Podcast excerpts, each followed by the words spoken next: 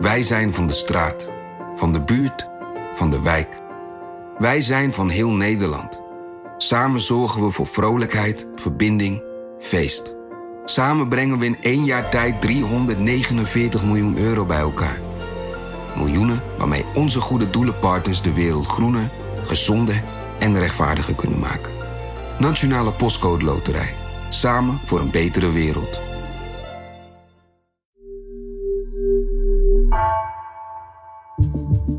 Vanaf de redactie van NRC het verhaal van vandaag. Mijn naam is Gabriella Ader.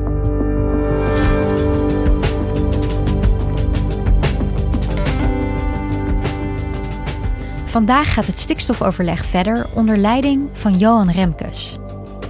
Na een jaar van boerenprotesten zit hij aan tafel met het kabinet en verschillende betrokken organisaties.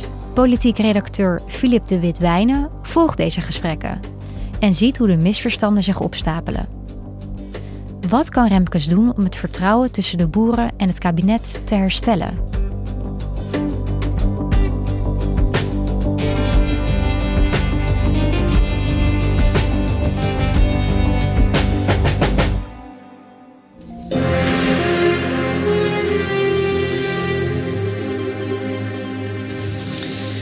Goedemorgen. Het is de ochtend van het begin van de stikstofgesprekken. Het kabinet Op vrijdag 5 augustus was ik uh, samen met Pim van der Dol naar Utrecht gereden om uh, het eerste stikstofoverleg tussen de boeren en het kabinet onder leiding van Johan Remkes te volgen. Die staan natuurlijk heel lijnrecht tegenover elkaar, maar het is een gesprek om elkaar beter te begrijpen, om weer tot elkaar te komen. Om, zoals het in de brief stond die het kabinet schreef bij de aanstelling van, van Remkes, om verbinding te brengen. Na weken van oplopende spanningen, blokkades en verwijten over en weer gaan de partijen met bemiddelaar Remkes en premier Rutte om tafel. Van de acht grootste boerenbelangenorganisaties is alleen LTO Nederland aanwezig. De koepelorganisatie spreekt ook namens de actiegroepen zoals Agractie en Farmers Defence Force. Wat me opviel, en er was heel veel politie op de been. En het was gewoon, ze waren erg bang voor, uh, voor protesten. De locatie was ook lange tijd ge geheim gehouden voor de betrokkenen en voor de journalisten. Wij moesten net als vorig jaar bij de formatie, waar ook uh, Johan Remkes een grote rol speelde, lang wachten vooral. Meneer Remkes, hoe kijkt u naar vandaag? We wachten dat allemaal rustig af. Heeft u er al zin in? Het is in ieder geval mooi weer. Heeft u er in ieder geval zin in? Ja, natuurlijk. Ja? Dan zou ik hier überhaupt niet aan beginnen. Maar is het wel spannend?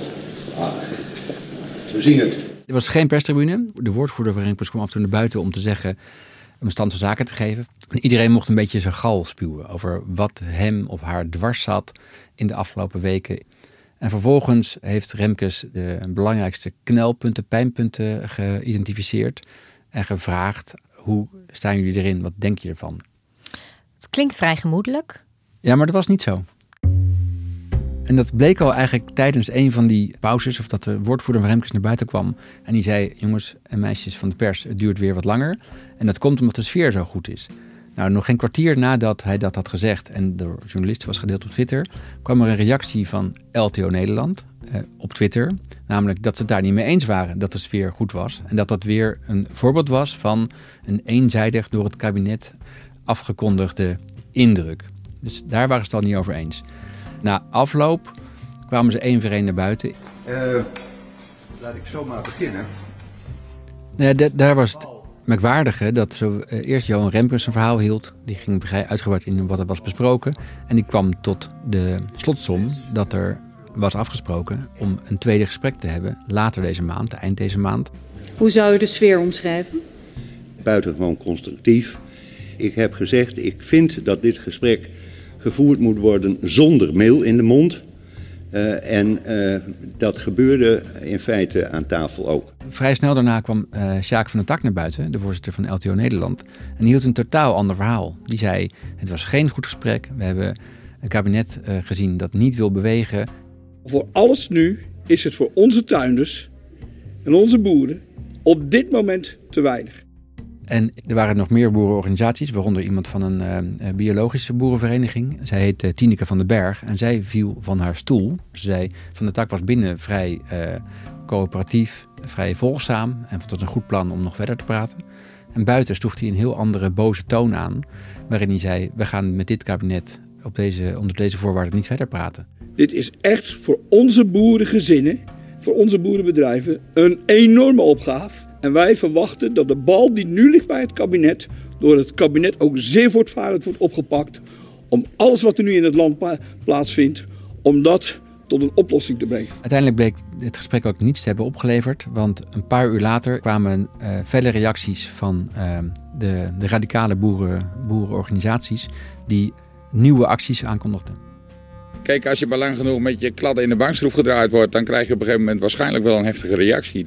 Als ik zo de stemming een beetje proef, dan denk ik dat je op kunt maken voor de hardste acties die FDF ooit gevoerd heeft. Maar waar moet je dan aan denken? Ja, daar gaan we niet over uitweiden en dan moeten we eerst nog overleggen. Wat ik daaruit kan afleiden is dat uh, het in ieder geval niet is gelukt, Remkes niet is gelukt om die partijen dichter bij elkaar te krijgen. Dus voorlopig is de missie mislukt. Filip, jij bent redacteur op de politieke redactie van NRC en je houdt je bezig met het stikstofoverleg. Die gesprekken gaan door deze week, maar of de boeren en het kabinet nog eens met elkaar in gesprek gaan, is onduidelijk hè, na dit eerste gesprek. Wat ging er mis?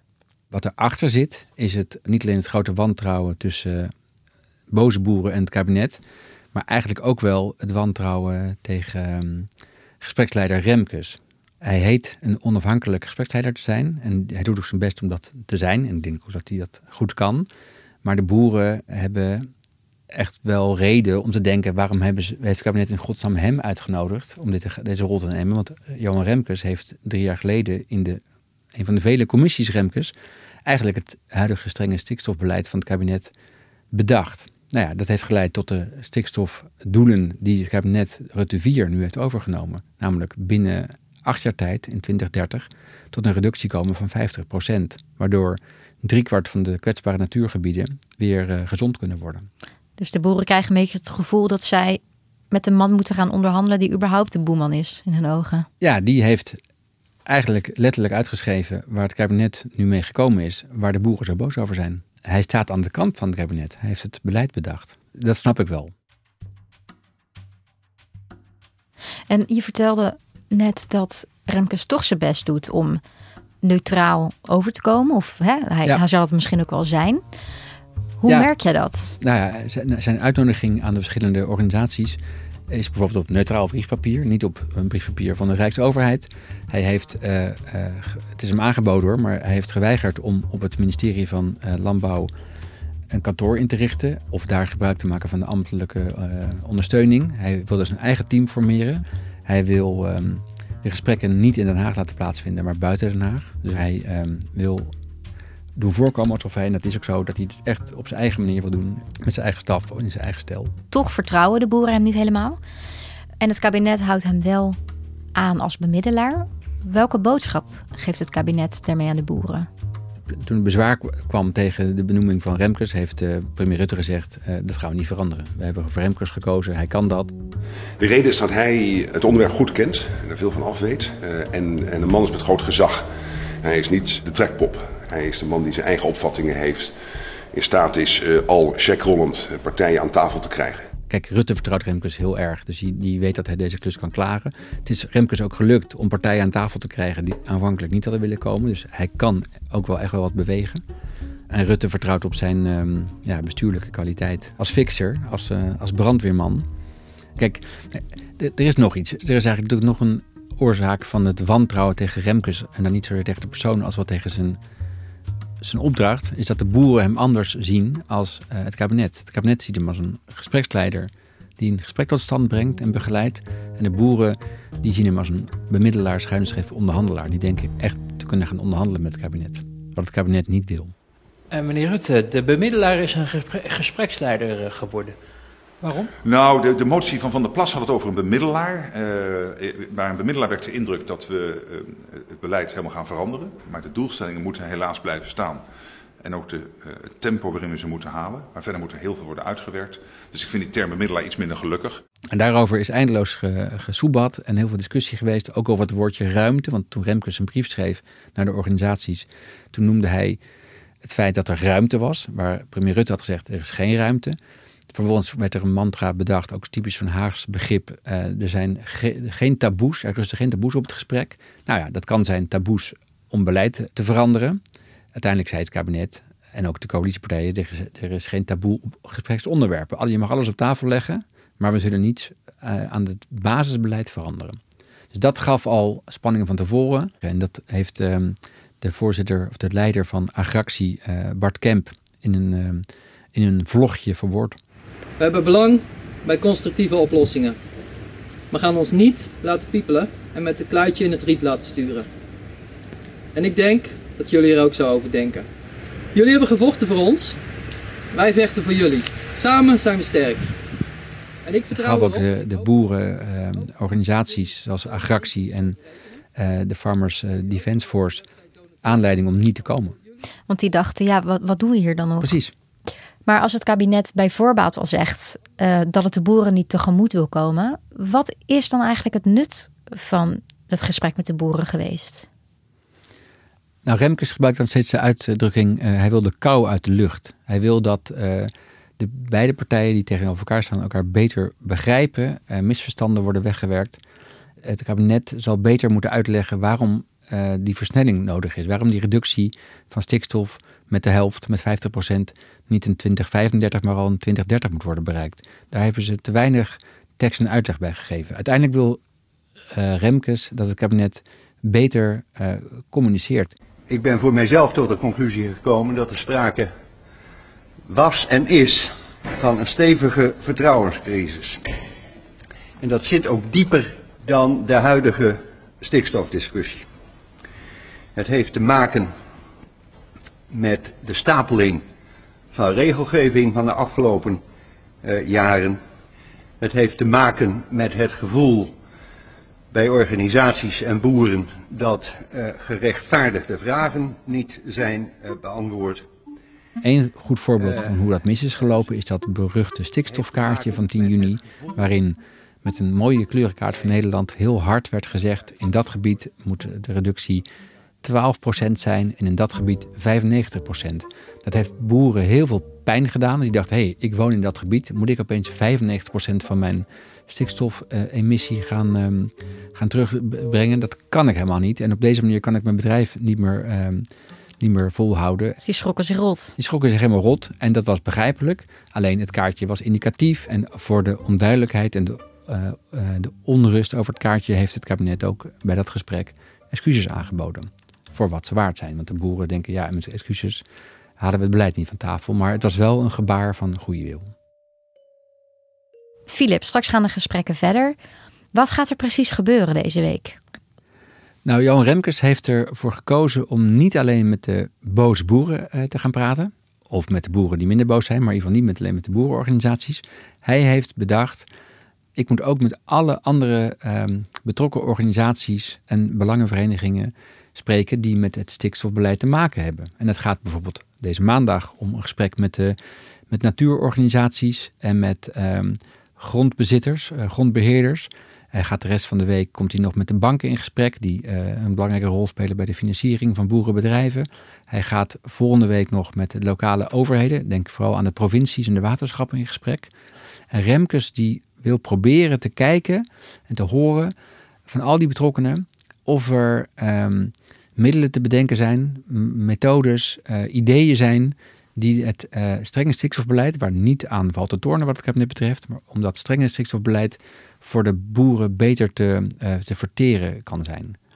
Hij gaat gewoon dus met een sleepnetje langs al die clubs om te horen wat kunnen jullie betekenen om die bittere pil voor de boeren wat minder bitter te laten smaken. Remkes die hoopt dus dat door met alles zo duidelijk mogelijk uit te leggen dat een genoeg tegemoetkoming is tot de boeren. Denk jij dat dat ook zo werkt? Nee, niet helemaal. En dat komt door het volgende. Kijk, we hebben het nu nog maar over het slechte nieuws van het stikstofbeleid. Namelijk, stikstof moet omlaag om, dat, om de natuur te redden.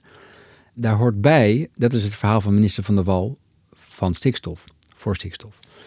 Um, de andere minister die hierbij betrokken is, is minister van Landbouw, Henk Staghouwer van de ChristenUnie. En die heeft beloofd om de boeren ook, zoals het heet, perspectief te bieden.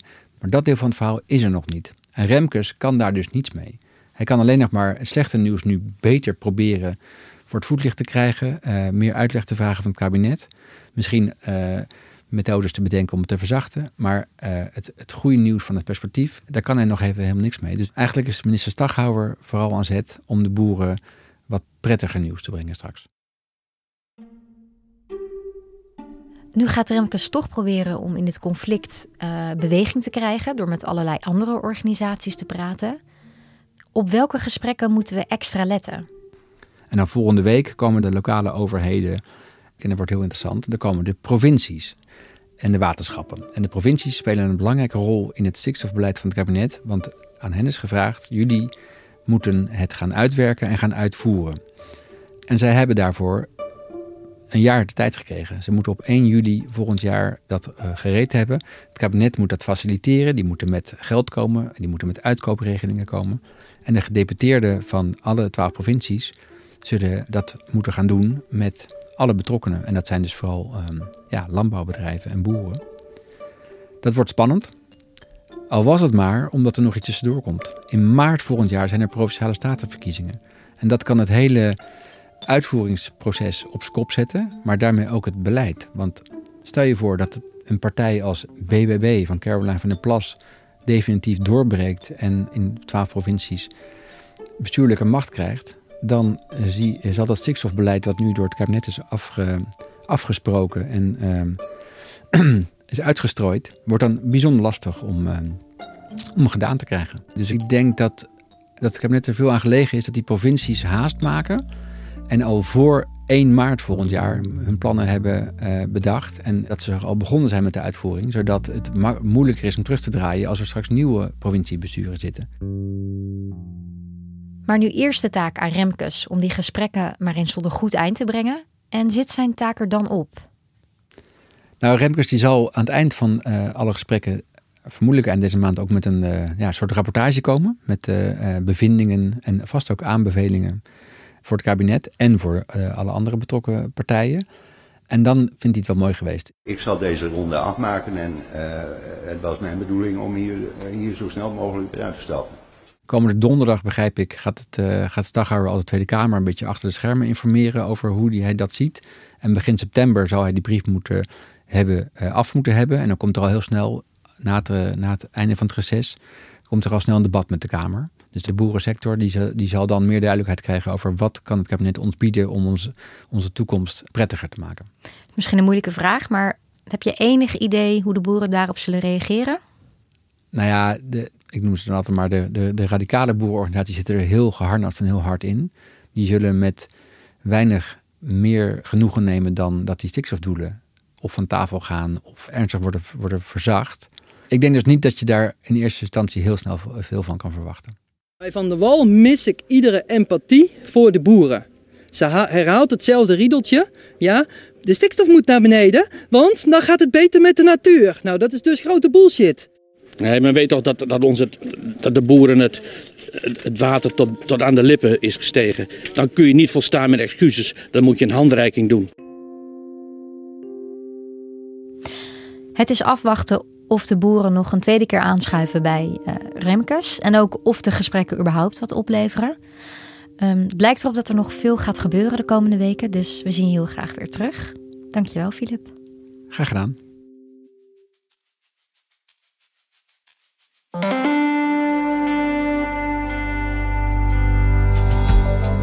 Je luisterde naar vandaag, een podcast van NRC. Eén verhaal elke dag. Deze aflevering werd gemaakt door Esme Dirks en Jeroen Jaspers. Dit was vandaag, morgen weer.